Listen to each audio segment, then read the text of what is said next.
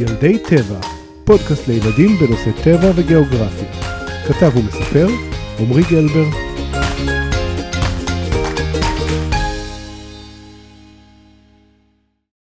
בדרך כלל, מפחדים מהם. לקרוא למישהו על שמם, זו לא המחמאה הגדולה בתבל. ופגישה אקראית איתם, לרוב מלווה בכמעט התקף לב. מי מנחש על איזה חיה אני מדבר? היי hey, ילדים, מה שלומכם? איך עבר הקיץ? טוב, אתם ילדי טבע אז בטוח שניחשתם שהפרק הזה הולך להיות בנושא נחשים. ואני גם בטוח שהרבה מכם אוהבים נחשים, כי אתם ילדי טבע. את שני הפרקים הבאים עזר לי לכתוב גיא חיימוביץ'. גיא הוא איש נחשים רציני ביותר, ואפילו השתתף בכתיבת מדריך השדה לזוחלים ודו-חיים בישראל. וגם, ולא פחות חשוב, לסרטון בו השתתף בערוץ מטיילים בארץ ביוטיוב, יש מעל חצי מיליון צפיות. ואם זה באינטרנט, אז זה בטוח נכון. בהמשך הפרק, גיא ישתף אותנו באחת מחוויות הנחשים שלו. איך השגתי סלב נחשים לפודקאסט? כמו סלבים או מומחים אחרים שהשתתפו בפודקאסט, גל חיימוביץ', בתו של גיא, היא מאזינה של הפודקאסט, ובינינו, היא זו שמחליטה. אז ילדים, אם ההורים שלכם או חברים שלהם מומחים בנושאי טבע או גיאוגרפיה, יש לכם משימה. צרו איתי קשר ונכתוב יחד פרק. בשני הפרקים הבאים נפגוש נחש קדום עצום, נכיר את מחזור החיים של הנחשים, נלמד על התכונות המיוחדות שלהם, ונשמע על נחש עם כוחות על. נלמד היכן חיים הנחשים, ועל הנחש הלאומי של ארץ ישראל. נלמד על מנגנוני הציד וההגנה שלהם, וכן, יש כזה דבר נחש מעופף, למה הנחשים כל כך חשובים לסביבה, מה לעשות אם נתקלים בנחש, ולקינוח נשמע את אחת מחוויות הנחשים הראשונות של גיא. בשביל לעשות סדר בטבע, בני האדם חילקו את החי והצומח לפי קבוצות או מחלקות. למשל, מחלקת ירקות, מחלקת פירות, מחלקת חטיפים, מחלקת השוקולד, רגע, רגע, רגע. אנחנו בטבע, לא בסופר. בטבע יש מחלקות כמו יונקים, עופות, דגים, חרקים. טוב, זה, זה גם כן נשמע קצת כמו מחלקות בסופר. בעיקר מחלקת החרקים, שבטוח ייכנסו לתפריט בעתיד. הנחשים שייכים למחלקת הזוחלים, כמו הלטאות, התנינים והעצבים שהכרנו לא מזמן.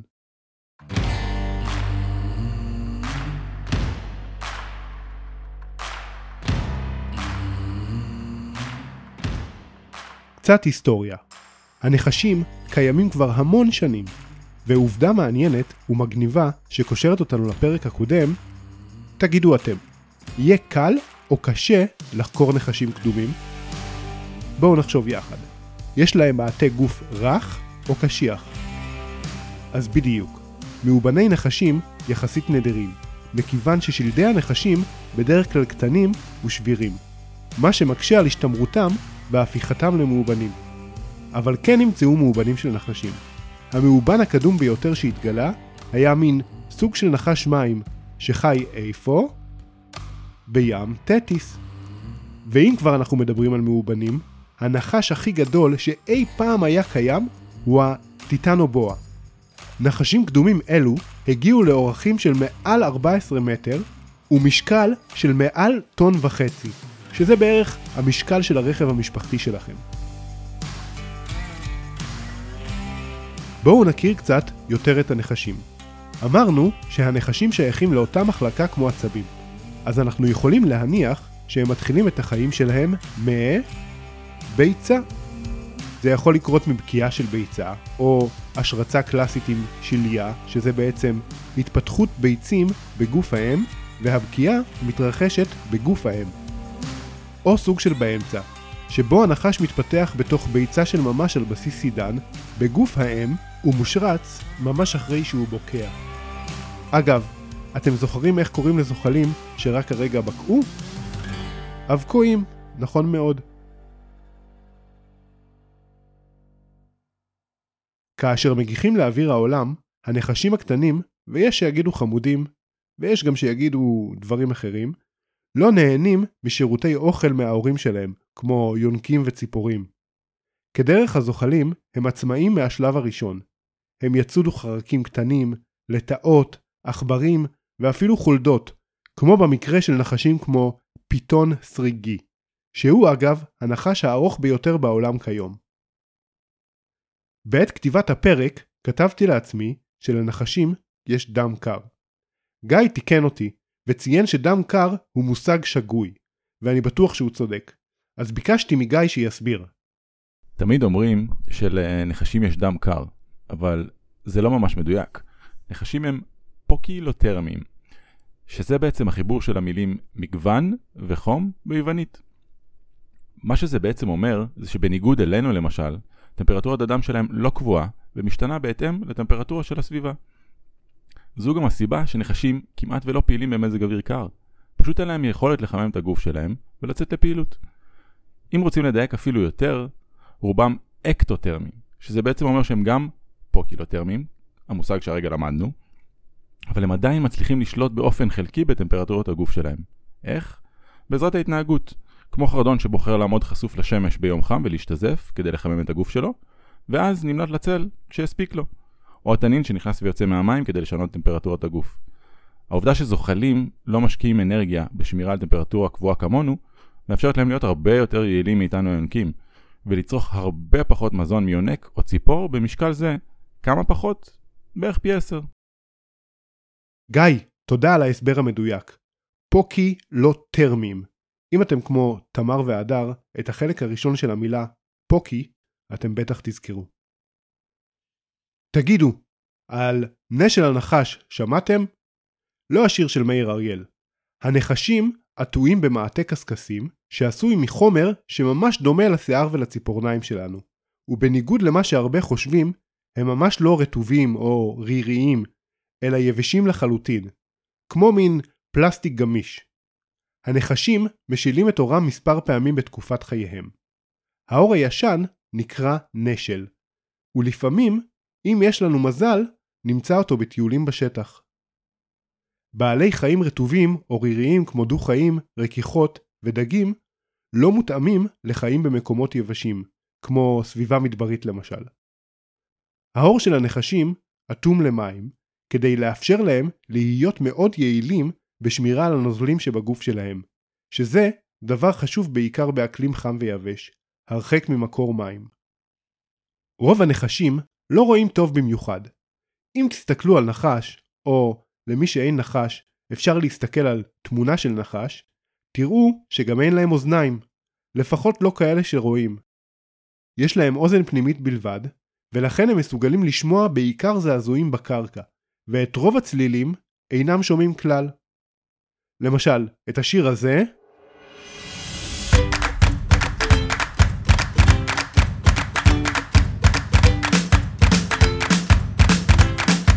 הם לצורך ההדגמה ישמעו יותר משהו כמו ככה.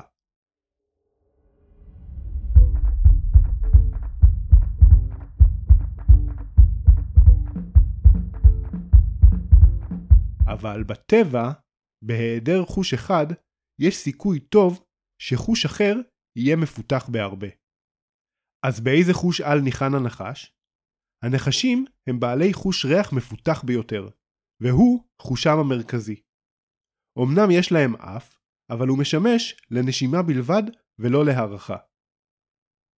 הנחש מוציא את לשונו ואוסף את מולקולות הריח ומעבירן לאיבר יעקובסון, הנמצא בחיקם העליון. איבר יעקובסון משדר את אותות הריח למוח.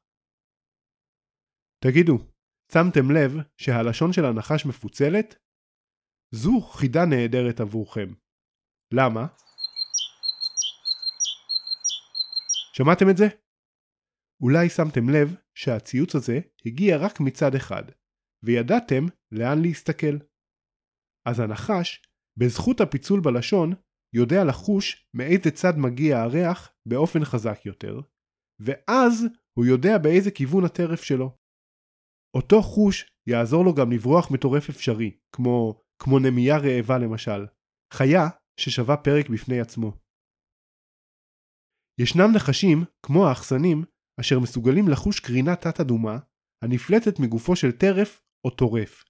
זאת באמצעות גומות חישה מיוחדות הממוקמות בין העיניים לנחיריים. זה אומר שהם בעצם יכולים לראות את הטמפרטורה של אזורים שונים בסביבה שלהם. מה אתם אומרים על זה? אני חושב שזה נחש עם כוחות על. לפני שנדבר קצת על הנחשים בישראל, אני חושב שיהיה נחמד להכיר את גיא חיימוביץ', שהיה שותף בכתיבת הפרק, וגם יספר בפרק הבא על הנחש הראשון שלו.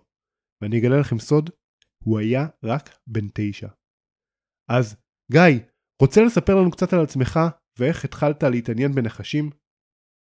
גדלתי בכפר סבא, שהיא הייתה עוד uh, קצת יותר כפר ופחות עיר. Uh, מתחת לבית שגדלתי בו היו שדות, ונהניתי מאוד לטייל בהם כילד. אני חושב שכל ילד מתעניין uh, מאוד בחי שסביבו, אבל לרוב ההורים עצמם נרתעים קצת uh, וגורמים לילד לפעמים לפתח רתיעה בעצמו, ככל שהוא גדל. במקרה שלי, ההורים מאוד אהבו טבע ובעלי חיים, ולא הראו שום רתיעה מיוחדת מהתחום. הם גם לא הציבו לי הרבה גבולות במגע עם הטבע, מה שאפשר לי לפתח את העניין הזה עד עצם היום הזה. מבחינת נחשים, אני חושב שזו חיה שאף אחד לא נשאר אדיש אליה. אה, במקרה שלי, בגלל שלא היו מעורבות דעות קדומות, זה פשוט הפך לסקרנות עמוקה. וואי גיא, איזה סיפור מגניב. גם אצלי, האהבה לטבע הגיעה מההורים. אז כל הכבוד להורים, נכון ילדים? למרות שמאזינים לילדי טבע מיותר מ-90 מדינות שונות בעולם, 90% מהמאזינים הם מישראל. אז בואו נדבר רגע על הנחשים בישראל. בישראל נפוצים הנחשים מפסגות החרמון שבצפון עד הקצה הדרומי והחם בארץ. לא רק שהם נפוצים בכל הארץ, מהחרמון הקר ועד למדבר הלוהט, הם גם נפוצים במגוון בתי גידול. בחולות, באזורים רטובים, יש שחיים על עצים, ויש שחיים במחילות. וגם במים יש נחשי מים. אפשר לומר שאיפה שיש להם מה לאכול, יהיו נחשים. והנחש המפורסם בארץ הוא, שתי ניחושים, הצפה. הוא לא רק המפורסם, הוא גם נבחר כנחש הלאומי. עם הצפה נסיים את הפרק הראשון על הנחשים.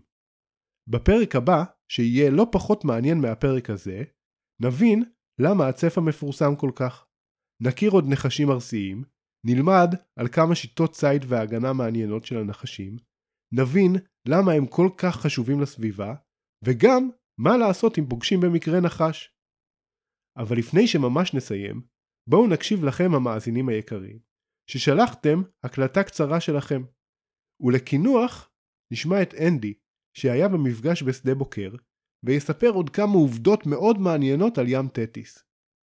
עכשיו, אם שלחתם הקלטה ולא שמעתם את עצמכם, אל דאגה. בפרק השני על הנחשים, שייצא ממש ממש בקרוב, נאזין לשאר הילדים. מבטיח מבטיח.